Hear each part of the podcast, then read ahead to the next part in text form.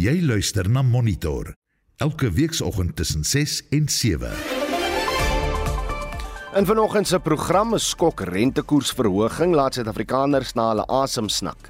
The Monetary Policy Committee decided to increase the repurchase rate by 50 basis points to 7.75% per year 'n Nuwe politieke party wil die meer gevestigde partye die stryd aansê in volgende jaar se verkiesing. I've got a strong name, I've got a strong brand. I've delivered things in local government that no other leaders in this country has delivered in the space of time I've been there. And I've proven to anybody, beyond any doubt, that young people can lead and young people must lead. En ons vra hoeveel waarde sal die minister van elektrisiteit se besoeke aan kragstasies ons werklik bied. Die span vanoggend is Justin Kennerly en Daitron Godfrey en ek is Oudo Karelse. Welkom by Monitor. Goeiemôre in sportnuus vanoggend. Die Blitsbokke het 'n styl berg om te klim die naweek in Hong Kong. 'n Moed wen vir die Proteas teen Nederland om outomaties vir die Wêreldbeker in Indië te kwalifiseer en Manchester City in 'n belangrike tuiswedstryd teen Liverpool. Meer sport volg bietjie later. Dis Christo Gawie vir RSG Sport kyk wat gaan aan op sosiale media. Thabo Mbeki en Paul Mashatile is vanoggend van Twitter se gewilde hitsmerke. Dit nadat die oud-president Ani Adjeng president 'n 17 bladsy lange brief geskryf het waarin hy sy misnoë uitspreek en beweer dat die ANC sy meerderheid in die parlement gebruik het om teen 'n ondersoek oor die Palapala saak te stem. In die brief het Mbeki die saak met die Nkandla skandaal vergelyk. Hy vra hoekom daar teen 'n ondersoek gestem is as die ANC weet Cyril Ramaphosa is onskuldig. Reg, waaroor praat ons vanoggend saam met jou? Wel, rugby word van jaar amptelik 200 jaar oud. Dr Willem Botha vertel later in die woord meer oor die sport en die woord kookwater rugby. Ons wil intussen by jou hoor. Wat is jou gunsteling rugby herinnering nog? Dit kan 'n wedstryd of 'n oomblik in 'n wedstryd wees of selfs 'n rugby verwante belewenis wat jy gehad het. Stuur 'n SMS na 4588910 R50 per boodskap. Jy kan saampraat op die Monitor en Spectrum Facebook bladsy of laat te hoor in persoon van jou stuur 'n stemnota na die nommer 076 536 6961. Jy luister na Monitor. Elke weekoggend tussen 6 en 7. Dis 11 minute oor 6. Suid-Afrikaners is gister geskok gelaat na die Reserwebank die rentekoers met 50 basispunte verhoog het. Die repo koers staan nou op 7 0,75%. Ons praat met die hoof van Suid-Afrikaanse ekonomiese navorsing by Standard Bank, Elna Moelman. Elna, goeiemôre. Goeiemôre. Die verhoging het almal se verwagtinge oorskry. Nou vra ek met trane in my oë vanoggend, wat is die rede hiervoor? Dit dit was 'n skok geweest. So ek dink wat die Reserwebank geargumenteer het is aan die een kant as jy mens kyk na die Reserwebank se inflasie vooruitskattinge vir hierdie jaar, dan is dit met omtrent 'n half persent op van wat die vooruitskattinge was met die vorige vergadering in Januarie. En ek dink dan nou hierdie rentekoersverhoging is dan 'n presiese aanpassing om daarvoor um, te vergoed. En ek dink wat die Reserwebank se konteks is is om te sê oor die laaste klompie maande het hulle herhaaldelik hulle inflasie vooruitskattinge opwaarts aangepas. So hulle is nou bekommerd oor hierdie oor hierdie tendens en daarom is hulle eerder 'n bietjie meer aggressief nou hmm. en ons kan later praat oor jy weet of hulle dit dalk kan omdraai op 'n latere stadium maar ek dink dit is dan absoluut daardie fokus om te sê ons is weer eens verras deur inflasie. Ons gaan nou daadwerklik optree um, om te probeer om om hierdie in in toom te hou of in toom te kry. Ja, 11% uh, ons is nou weer by vlakke wat ons laas in 2009 gesien het. Ja, en hierdie hierdie is nou dit is in die eerste plek so wat jy nou noem redelike hoë vlakke en ons het nou redelik vinnig daarby uitgekom en natuurlik is die ekonomie reeds baie swak. Ehm um, en ons het natuurlik van die internasionale kant af ook, jy weet net negatiewe goed wat op die ekonomie inwerk. So so dit dit gaan definitief pynvol wees van 'n ekonomiese groei perspektief af. Uh, uh, ons het al verlede jaar met kenners begin praat en almal het die, die verwagting uh, oorgedra dat die siklus teen die begin van 2000 uh, eh, van hierdie jaar sou sou eindig. Maar maar gaan wanneer gaan dit en, en en wat sal dit teweegbring? Wat moet gebeur vir die siklus om om om uh, uiteindelik nou op te hou ek dink dit gaan op tot 'n baie groot mate oor oor die inflasie dinamiek en hoe dit uitspeel relatief tot wat die Reserwebank verwag. So solank as wat ons in hierdie situasie is van ons dink ons weet waar inflasie gaan wees oor 6 of 12 maande en ons is elke keer moet hulle hulle vooruitskattinge opwaarts aanpas, dink ek hulle gaan geneig wees om te sê wel dan moet ons die rentekoerse dien ooreenkomstig aanpas. So as ons dan nou op 'n punt kom waar inflasie net begin uitspeel soos wat ons verwag, dan dink ek gaan die Reserwebank gemaklik wees om te sê ons het dalk nou genoeg gedoen.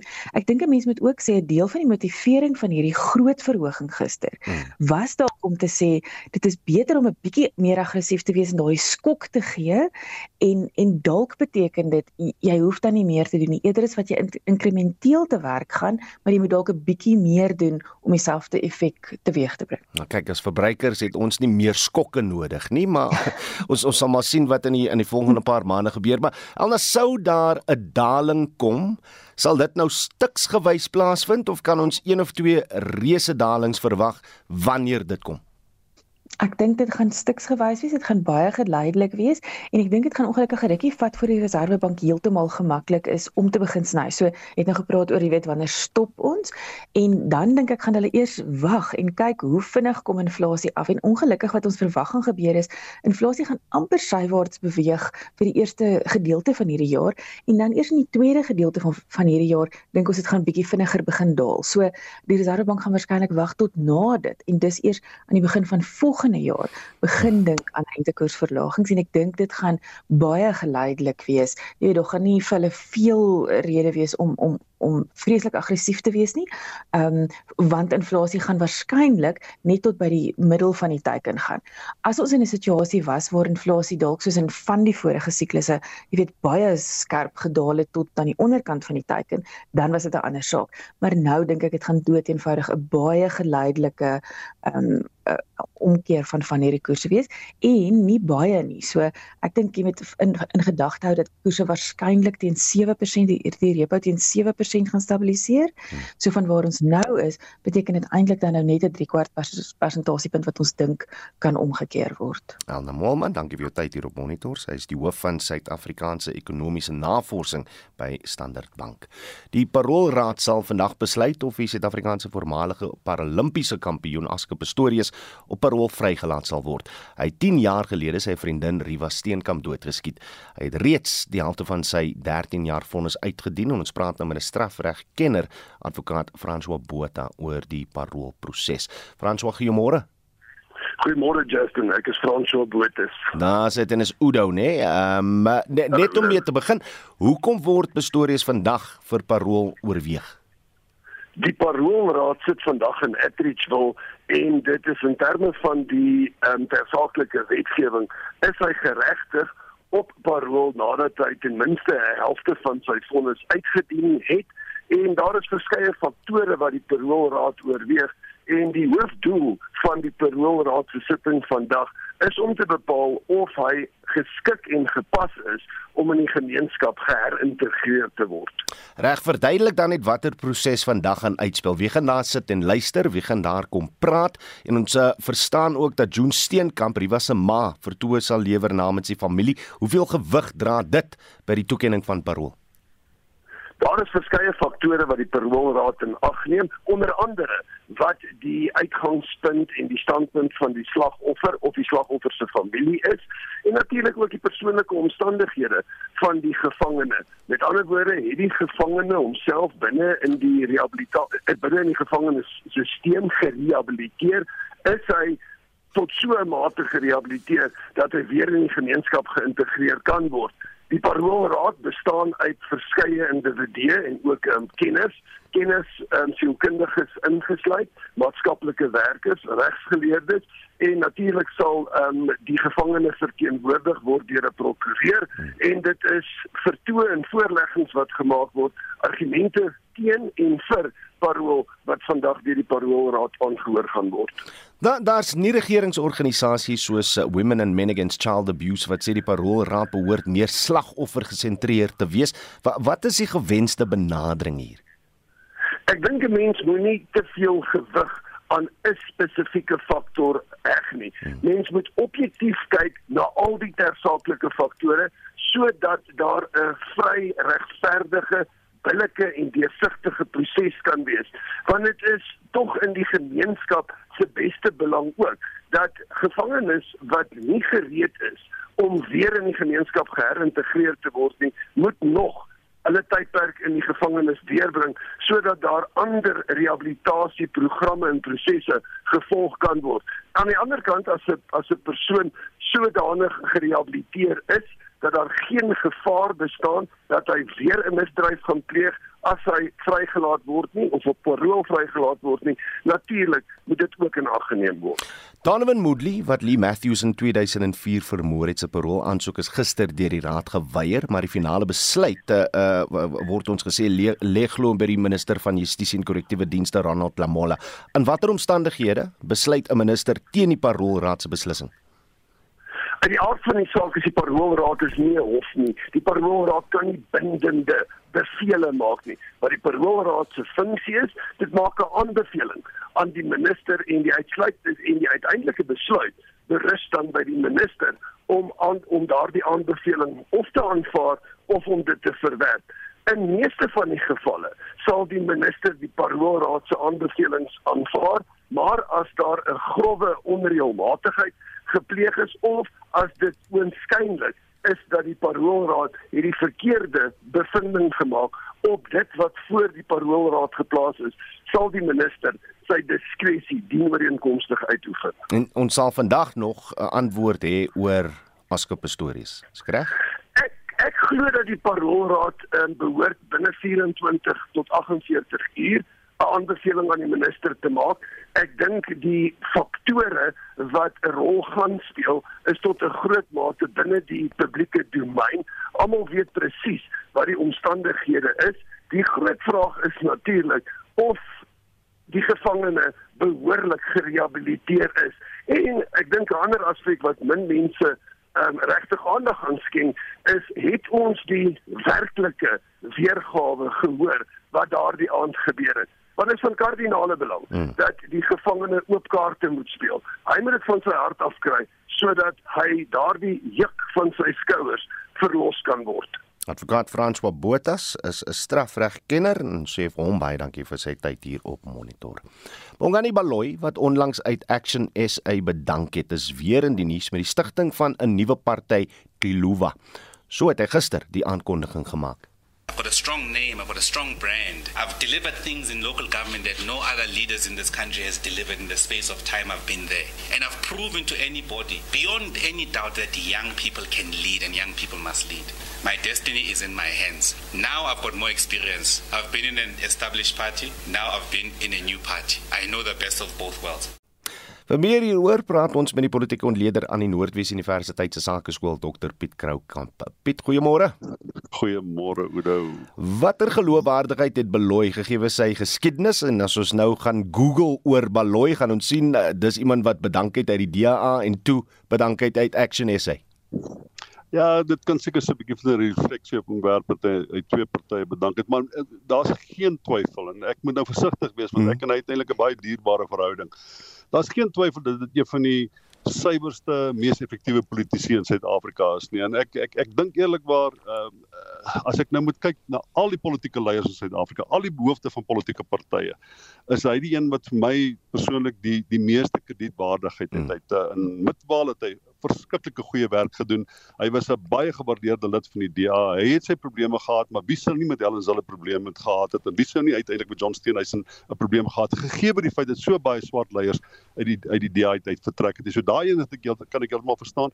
Ek het groot begrip vir die feit dat hy nie met Herman Mashaba uh, uh oor kon ooreenkom. Ek verstaan al daai goed so en ek dink nog steeds hy's 'n persoon met groot integriteit. Maar as hy my vra om hom te adviseer, sal ek vir hom sê uh, ek dink hy maak 'n paar foute. En die heel belangrikste fout is hy probeer om op die jeug te te te te, te fokus mm. nou. Dis dis nou sy sy teikengroep. Die probleem in Suid-Afrika is dit ek dink die ouderdom van 19 jariges is daar uh iets soos is minder as 20 mense geregistreer. Met ander woorde as jy wil daar traksie kry, sal jy op 'n uh, registrasiedag onsaglik baie geld moet spandeer in mense wat hmm. tradisioneel wêreldwyd nie werklik hulle self registreer vir verkiesings nie. Mense begin deelneem aan hulle uh huis uh, toe 'n uh, paaiement moet betaal, 'n kar paaiement, want hulle moet begin belastings betaal wanneer hulle werk. Dis wanneer mense tipies deelneem aan politiek. So hy moet versigtig wees om vir 'n steenbasis te gaan wat daar eenvoudig dit dit is net te duur om daai groep te mobiliseer. Ek dink dit is 'n denkfout wat hy maak, maar ek gaan hom nog vertel. Mm, mm, maar Piet, daar da is tog geleentheid want want eh, as jy kyk na die statistiek wat wat aan ons gelewer is oor uh kiesersgroepe in Suid-Afrika, is dit die grootste groep wat wat, wat uh, by die stembusse verandering kan maak.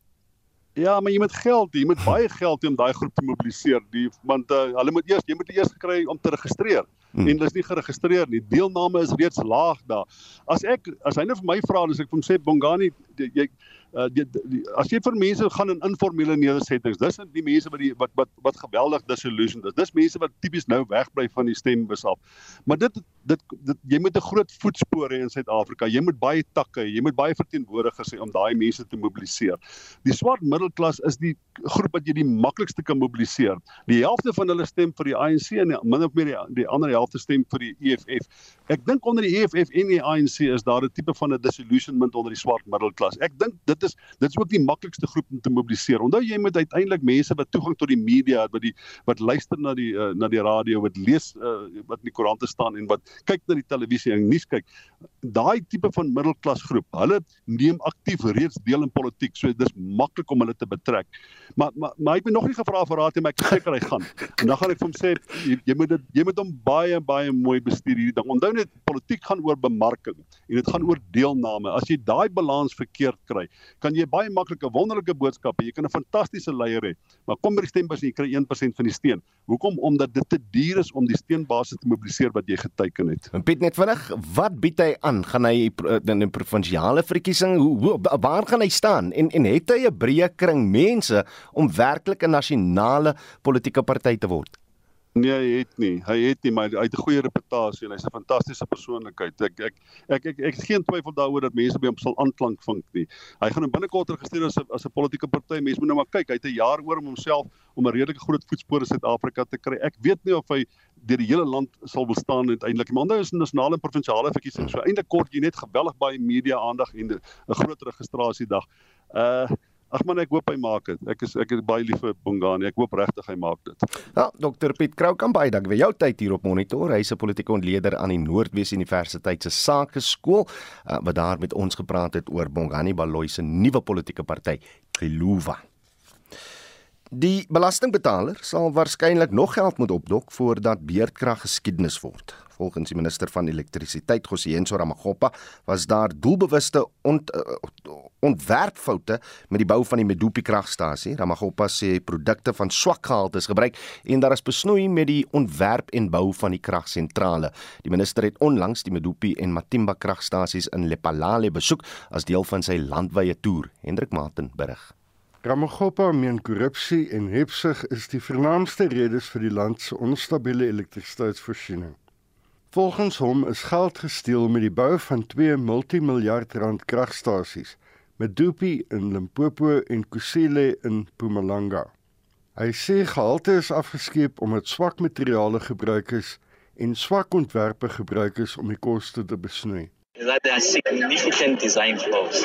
And of course, on both Kusile and Midupi, intention was to cut corners, give us uh, materials that are of uh, poor quality. Six years into the life of a very young plant, you are beginning to see these defects. And you can see that the country and the economy is paying a heavy penalty for that. Eenheid 4 by Medupi kragstasie is buite werking sedert 'n ontploffing in Augustus 2021. Die oorsaak was glo leemtes in die bestuur van die sentrale, asook nie nakoming van veiligheidsmaatreëls. Ramogopa sê dit sal miljarde rande kos om die skade aan die eenheid te herstel. Regards to Unifor, it gone out there August of 2021. The worst scenario is that it will come back about 2025, if you like 2025, and then the best case scenario is about May of next year, because there's a considerable amount of work that has to be done. Medupi is een van die vier grootste steenkoolkragstasies in die wêreld. Dit het 6 eenhede wat uiteindelik sowat 4000 megawatt elektrisiteit sal verskaf. Hierdie bydra van Michael Makungo in Lepalale en ek is Hendrik Martin vir SAK nuus. Ek ons bly by die storie en praat nou met Hein Vosloo, 'n voormalige senior bestuurder in Eskom se transmissie afdeling. Hein, goeiemôre. Goeiemôre Oudo. Ons weet nou nie wat alles aan hom gesê is en gegee is tydens die besoeke nie, maar sou hy genoeg kon leer uit 'n dag of twee se rondstand by 'n kragstasie om 'n duidelike prentjie van die uitdagings te kry en ook om iets daaromtrent te doen. Ja, Oudo, ek dink eh, mense moet onthou dat die opwekkingseenhede is baie kompleks. Die toestand van die kragstasies uh en sekere van die tegniese aspekte sal hy uit die hart van die saak uh daar kan kry.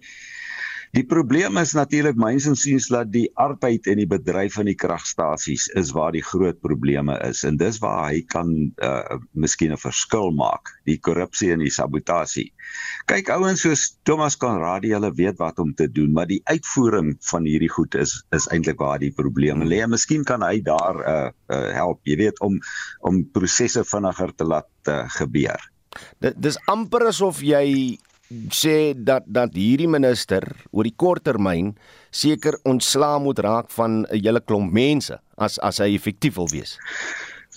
Wel, uh kom ons ja, dis altyd 'n moeilike ding om te sê jy moet van 'n klomp mense ontslaa raak. Uh ek weet dat in Andre de Ruyter se tyd het hy al 'n hele klomp van die personeel minder gemaak by die by die uh in Eskom.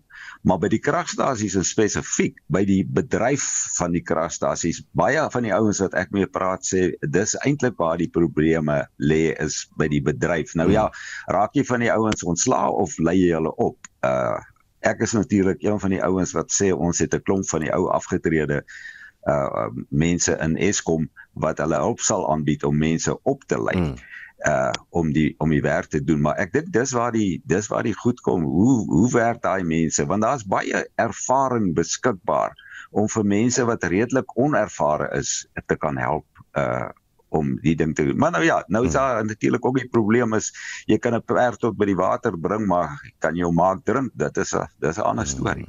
Ons weet nou deur die besoek van die minister dat Medupi nie op standaard is nie. Da, ons weet ook dat Kusile dan word hard daar gewerk om hom ook op standaard te bring. Die die die tydraamwerk om hierdie werk te verrig is dit maande of jare?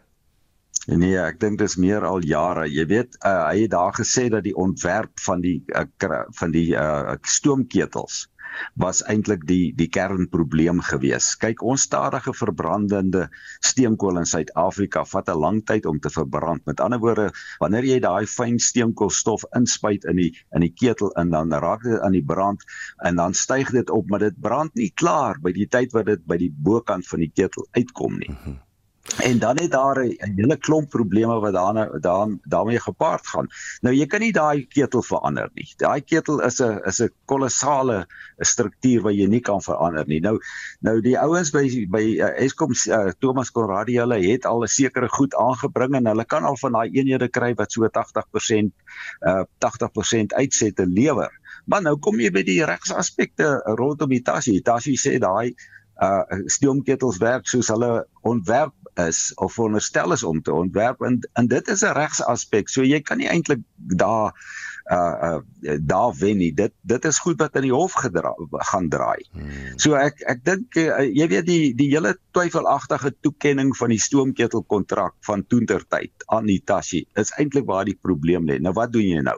Nou maak jy allerlei planne om om seker te maak dat jy dat jy daai stoomketel kry om om om te kan werk. En soos ek sê, hulle kry hom dan al dat hy by die 80% uh, uitsette lewer.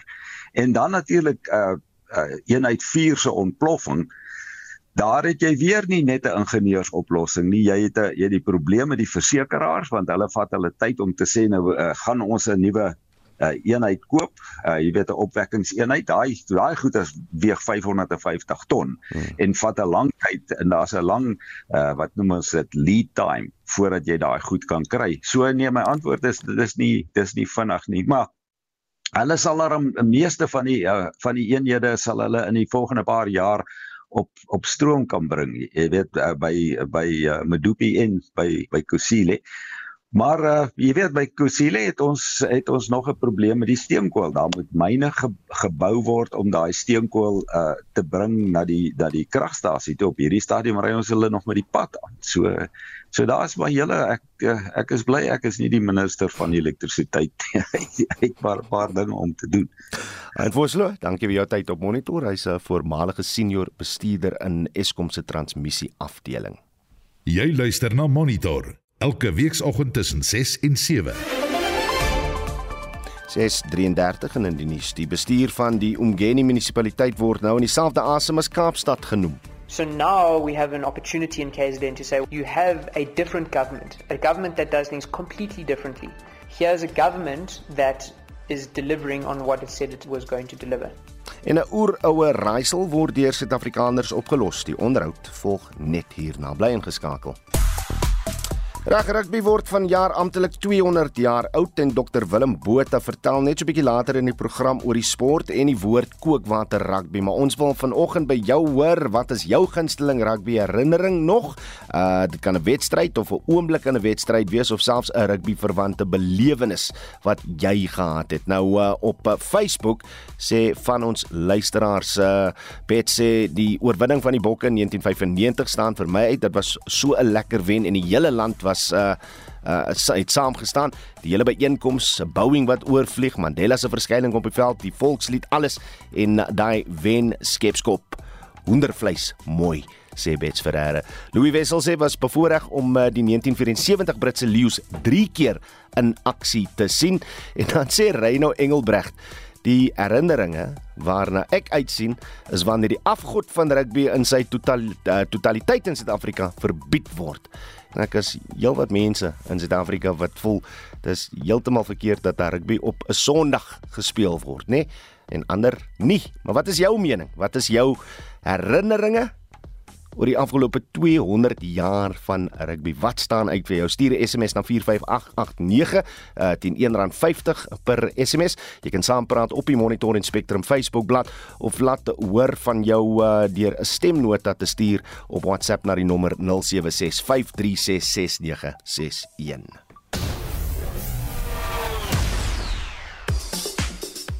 Reg Christo gaan wie staan slag gereed met die jongste sportnuus môre Christo. Goeiemôre Oudo, goeiemôre Suid-Afrika. So gepraat van rugby, die Blitsbokke is reeds vanoggend in aksie teen Ierland by die uh, sewe se reeks in Hong Kong. Ja, die Blitse, hulle het 'n goeie naweek nodig om nie net die trots op die span te herbou nie, maar ook om te verseker dat hulle steeds 'n kans het om outomaties vir die Olimpiese spele te kwalifiseer, uh, soos jy noem uh, by die sewe se reeks uh, hierdie naweek in Hong Kong wat vandag reeds aan die gang is. Die Blitse het 'n teleurstellend vertoon in Los Angeles en ook Vancouver waar hulle tot 7de op die reekspunte leer gesak het. Hierdie naweek sal ook nie maklik vir die Suid-Afrikaners wees nie.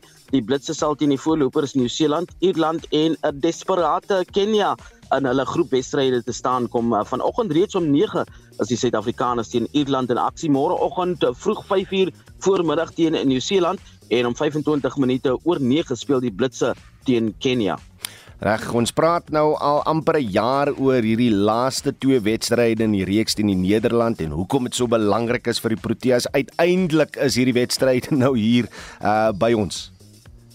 Ja, absoluut. Twee eendag wedstryde wat geskeduleer is vir Willowmo Park in Benoni vanmiddag om 1 en die Wanderers Sondagoggend om 10uur. Dit sal dan die voltooiing van 'n reeks van 3 wedstryde wees wat reeds op die 26 November 2021 begin het, maar toe uitgestel is as gevolg van COVID-19.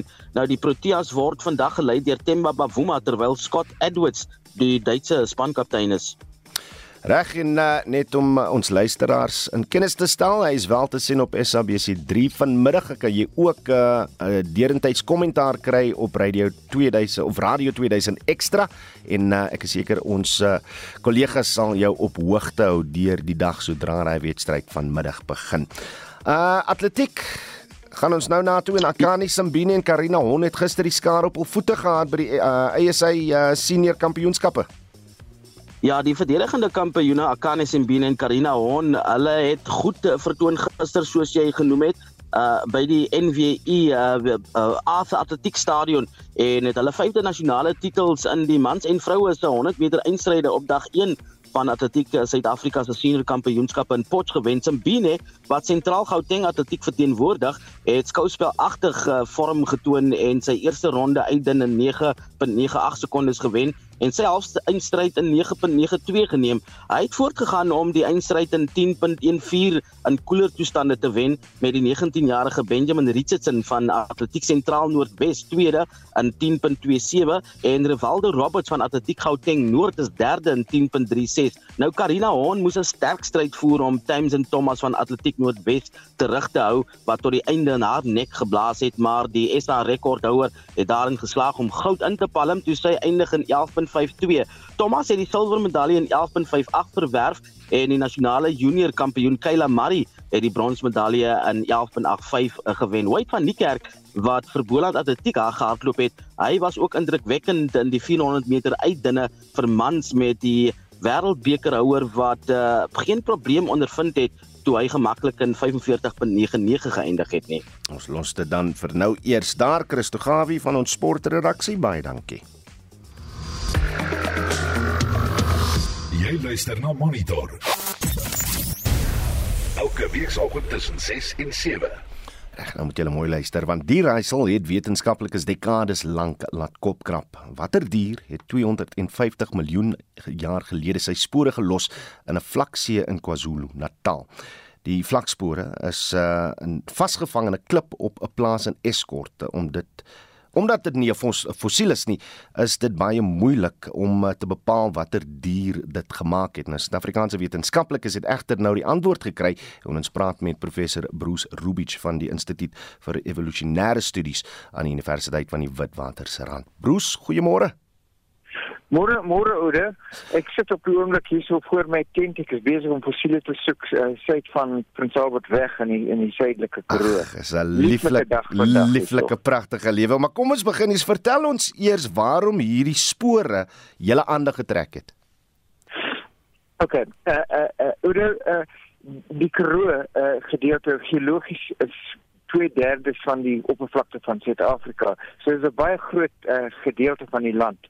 En ons volg 'n sekere geologiese grens reg rondom die land. Hmm. It's the contact between what we call the Eka and the Beaufort groups. Now, the Eka group of rocks was deposited underwater in a sea to uh, uh, meer as 250 miljoen jaar terug was die meeste van Suid-Afrika se huidige oppervlakte bedek met see, hmm. met water. And we've been following this this Ur coastline around the country tot in Natal. And daar um ons het begin by Gramstad and then we went around Sutherland up uh, to Philippolis and eventually into Natal. This has taken four decades, 40 jaar. Mm. But when we got to Natal uh, in the Escort omgewing uh, a farmer there by the name of David Green contacted me and said he's got this uh, amazing surface that he would like to show me. Well, hierdie oppervlakte wat wat bedek is met met riffels en allerlei spore van ongewervelde diere en visse en alles. Um that is at the contact between the Eka and the Beaufort op mm. hierdie kuslyn. And um when we looked at it in detail, we saw that daar's amazing spore op dit. Ehm um, spore van reptiele wat daaroor gestap het, maar uh daardie spore is nie baie goed bewaar nie because it was underwater and so you sort of just see like these prod marks. Mm. But what is well preserved is a series of looks like swimming traces of they're triangular, they're mm. quite long, they're about two meters long. So the deer was omtrent two meter long, which has got a, a veil punt, and then it goes to, to, to, to a fin punt of the other kant. And when we analyzed that, we saw it's a, a trace of an animal that was swimming on the, uh, in the water, and then every now and again it would go down and sit on the bottom and then take off like a Boeing and so start uh, uh, used to drag on on the on the ground behind it. But now, and so uh, we then had to work out wat is daardie dier. Ja, ek wil nou net vra. So so watter dier vermoed julle het die spore gemaak en en hoe het julle tot die slotsom gekom? Wel, ons het toe rondgekyk uh, in in die literatuur ook in ons uh, uh, uh, waarnemings in die veld and we realized that a crocodile footspoor uh, uh, uh, uh, is much the same. It also, when it lies on a sandy bank, it also has a, a wide bit and then it goes down narrow towards the tail. And het hy uh, vier uh, pote wat op die kant lê. And uh, so we realized it's an animal that sort of shape. But when we looked at the age of the rocks, 255 miljoen jaar terug, uh, we realized that um, the crocodiles weren't around yet. Mm, Crocod mm. Krokodille het eers baie later ontwikkel, 200 miljoen jaar terug, 50 miljoen jaar later. And so we had to then look what type of animal had the same sort of shape as a crocodile. And the only animal at that stage which lives in water and has the same shape as a crocodile is hierdie oer uh, amphibians, um, which looked like uh, modern, um, what we call salamanders, Mhm. uh, those uh, swimming amphibians. It looked like that, but it was obviously a much bigger animal. Uh, this one about two meters long. And its name is Rhinosuchus. Is die naam van daardie een. En ons het ook in daardie omgewing 'n uh, kop 'n kopbeen van daardie dier gekry. Hmm. So we're reasonably sure of our identification and this is the first record of the behavioral trace, a swimming trace of this amphibian in the world. So this this nuttig and ons iets. And what that surface shows us Yeah. also is it's the last tide of the outgoing Karoo Sea 255 million years ago. It sort of preserves a moment in time. And so when you stand there and you look at it, you realize you're looking at an event that happened 255 million years ago. And we're just very lucky that it's all preserved.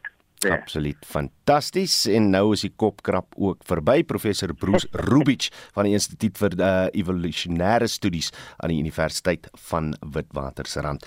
En ons bly uh, praat oor wetenskap want 'n uh, Britse wetenskaplikes het pas die grootste gravitasie-kolk nog ontdek. Dit is geleë in die middel van die sterrestelsel wat honderde miljoene ligjare ver van die aarde is.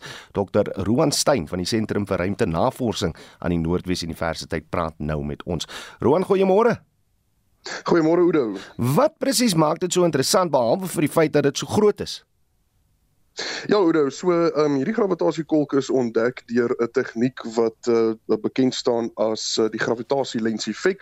En in twee sinne beteken dit eintlik maar net dat as ons twee sterrestelsels het wat agter mekaar is, dan kan ons die voorste sterrestelsel as 'n tipe van 'n vergrootglas gebruik om die lig wat van die agterste sterrestelsel afkom te vergroot. Ehm um, en daarom kan ons dan nou gravitasie oh, well, ons kan nou sterrestelsels uh, bestudeer wat baie verder is. En in hierdie spesifieke geval uh het die vergrootglas toe baie meer interessant um geraak as die aanvanklike sterrestelsel wat hulle ontdek het want die manier hoe die lig toe nou um gebuig het as gevolg van die, die voorste sterrestelsel het toe nou gemaak uh, het toe nou eintlik gelei tot die ontdekking van hierdie verskriklike groot massiewe uh gravitasiekolk wat in die middel van die voorste sterrestelsel was. Soos ek verstaan, die konk het 30 keer die massa van die son uh, en ons verstaan ook die kolk is nie baie aktief nie. So waarom sou dit die geval wees as dit so groot is?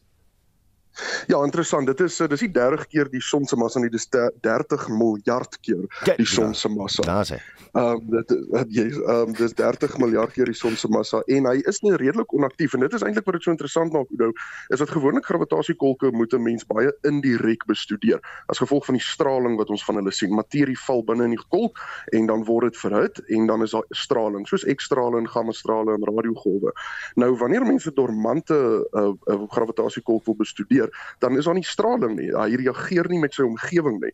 Um wat beteken dat daar is niks eintlik om hom meer te sien nie. Wat beteken en dit is wat hierdie ontdekking so interessant maak is dis die eerste keer dat die gravitasielens effek gebruik is om dan nou eintlik 'n gravitasiekolk te ontdek en te bestudeer wat dormant is. Ons geen straling wat van hom afkom nie. Wat nat natuurlik ons in staat stel om dan nou eintlik 'n klomp ander gravitasiekolke te gaan ontdek en te bestudeer um waarvan ons dan nou nie die konvensionele um, straling kry nie. Roan op 'n ander noot, ons het ook gelees van 'n gravitasiekolk in 'n veraf sterrestelsel wat de 90 grade geswaai het en hy wys nou direk aarde toe, amper asof ons nou hier in 'n fliek vasgekeer is. en en en dit laat eintlik julle wetenskaplikes bietjie kopkrap, né? Inderdaad, inderdaad, ehm um, um, Udo, dit is uh, dit is 'n gravitasiekolk ehm um, wat radiogolwe ehm um, uitgestuur het. Ehm um, hy was bekend, hy het bekend gestaan as 'n radiosterrestelsel. Ehm um, en uh en en dit was loodreg teenoor die die die waarneming van die aarde. En wat gebeur het is aan 'n oor tyd het hierdie hierdie straling het toe nou 90 grade geswaai en die straling kom nou reguit na die aarde toe. Ehm um, en en dit kan wees as gevolg en dit is nou waar die kopkrap gedeelte inkom. Ons weet nie presies hoekom nie, maar een van die teorieë wat dit moontlik kan wees is as gevolg van sterrestelsels wat gebots het. En dit het die vlak van die van die gravitasiekolk verander en nou um, straal hy reguit na die aarde toe. En dit is wat sy definisie toe nou verander het. In in Engels word dit nou sogenaamde blazar genoem. Hmm. En uh, daar is omtrent net minder as 3000 blazars wat ons al ontdek het, waarvan hierdie ene natuurlik nou die nuutste ene is. Maar dit is baie interessant. Um, mens mens mens sien nie gereeld dat die oriëntasie van 'n gravitasiekolk verander nie. So daar moes 'n ongelooflike groot botsing plaasgevind het. So ons kan hierdie gravitasiekolke waarneem. Ons kan hom bestudeer gebeur, maar ons weet nog steeds na al die tyd nie wat sou gebeur as ons direk aanvlieg nie. ja, so daar is baie rekenaarsimulasies wat loop om te kyk wat sou gebeur. Daar's baie uh, natuurlik 'n uh, ruimtefiksie uh, uh, flieks wat gemaak is daaroor. Ehm um, so ons kan ons kan uh, ons ons kan maar net uh, ons kan op hierdie stadium kan ons dit maar net simuleer hmm. en ons kan onsself indink met al die wiskunde wat ons nou al het wat sou gebeur, maar geen mense dit nou al ervaar nie. Sê Dr. Juan Stein altyd 'n plesier. Hy is van die Sentrum vir Ruimtenavorsing aan die Noordwes Universiteit. Monitor jou oggendnuusprogram op RSG. Rugby word vanjaar amptelik 200 jaar oud en 'n artikel hieroor in die Naweek Koerante was die opskrif na die uh, die kookwater rugby van die 1800s. Derhalwe gesels ons dokter Willem Botha vanoggend ook kookwater. Willem is uh, die voormalige uitvoerende direkteur van die Woordeboek van die Afrikaanse taal. Dokter Botha, goeiemôre. Goeiemôre Oudo. Hoekom word die rugby van 200 jaar gelede as kookwater rugby beskryf? Oudo, die skoolseun William Webb Ellis het glo in 1823 die sokkerbal opgetel en daarmee begin hardloop. Maar hierdie gebeurtenis is nie werklik geloofwaardig gedokumenteer nie. Wat wel goed gedokumenteer is, is dat rugby 200 jaar gelede 'n bondelgeveg op 'n dorp se meent was. Die reëls van die spel het toegelaat dat jy jou teenstanders kon stamp, pootjie aan die graag aan die kraag grond toe slinger trap en self skop, net nie bo die knie nie. Min of meer alles wat in sokker ontoelaatbaar was, was wettig in rugby. Sketse uit die 1800s wys hoe dosyne spelers, soms soveel as 150, om die bal saam koek. 'n Wedstryd kon in een dorpie begin en na 'n gestoeiery pad langs in die buurdorp eindig. Deur hierdie rugby as kookwater te beskryf, word waarskynlik bedoel dat dit rof en gewelddadig was en as dit ware teen kookpunt gespeel is. Kookwater word dikwels ten opsigte van sport gebruik, maar met kookwater kriket of kookwater rugby word gewoonlik bedoel dat die spel uitstekend, skitterend of opwindend is. So ons het hier 'n vernuwende gebruik van kookwater rugby. As jy sê dit gaan kookwater met iemand, bedoel jy dit gaan plesierig, voorspoedig voor die wind. Om kookwater te wees kan ook beteken dat jy kwaai, omgekrap of briesend is. Soos in die volgende voorbeeld sin: Die man was kookwater toe hy ontdek iemand het die veekraal se hek laat oop staan. Boland se kookwater is brandewyn. Die volgende voorbeeldsin verskyn in die Woordeboek van die Afrikaanse taal. Hy is so aangedaan dat hy 'n slukkie uit 'n bottel Boland se kookwater moet neem voor sy broekspype die beverasie kwyt raak. 'n Sakeonderneming met 'n naam soos daai kookwaterwinkel in Wellington in die Boland trek die aandag. En is nogal verblydend hoe hoeveel ehm um, sakeondernemings deesdae Afrikaanse name het. Dis vir my 'n baie positiewe ontwikkeling. Lieflik, Dr Willem Botha, jy is vir ons 'n kookwaterkenner uh, en hy's natuurlik ook die voormalige hoofredakteur van die Woordeboek van die Afrikaanse taal. Sou jy 'n woord wou borg, gaan na www.wat.co.za. Rugby is hierdie jaar 200 jaar oud. En ek is seker julle het nie daai in sien kom nie, né? Karika Keusenkamp met bokke. Nou ons vra vanoggend wat jou herinnering, jou ervaring van rugby is en wat staan vir jou in jou lewenstyd uit oor die spesiale sport wat ons almal so baie liefhet.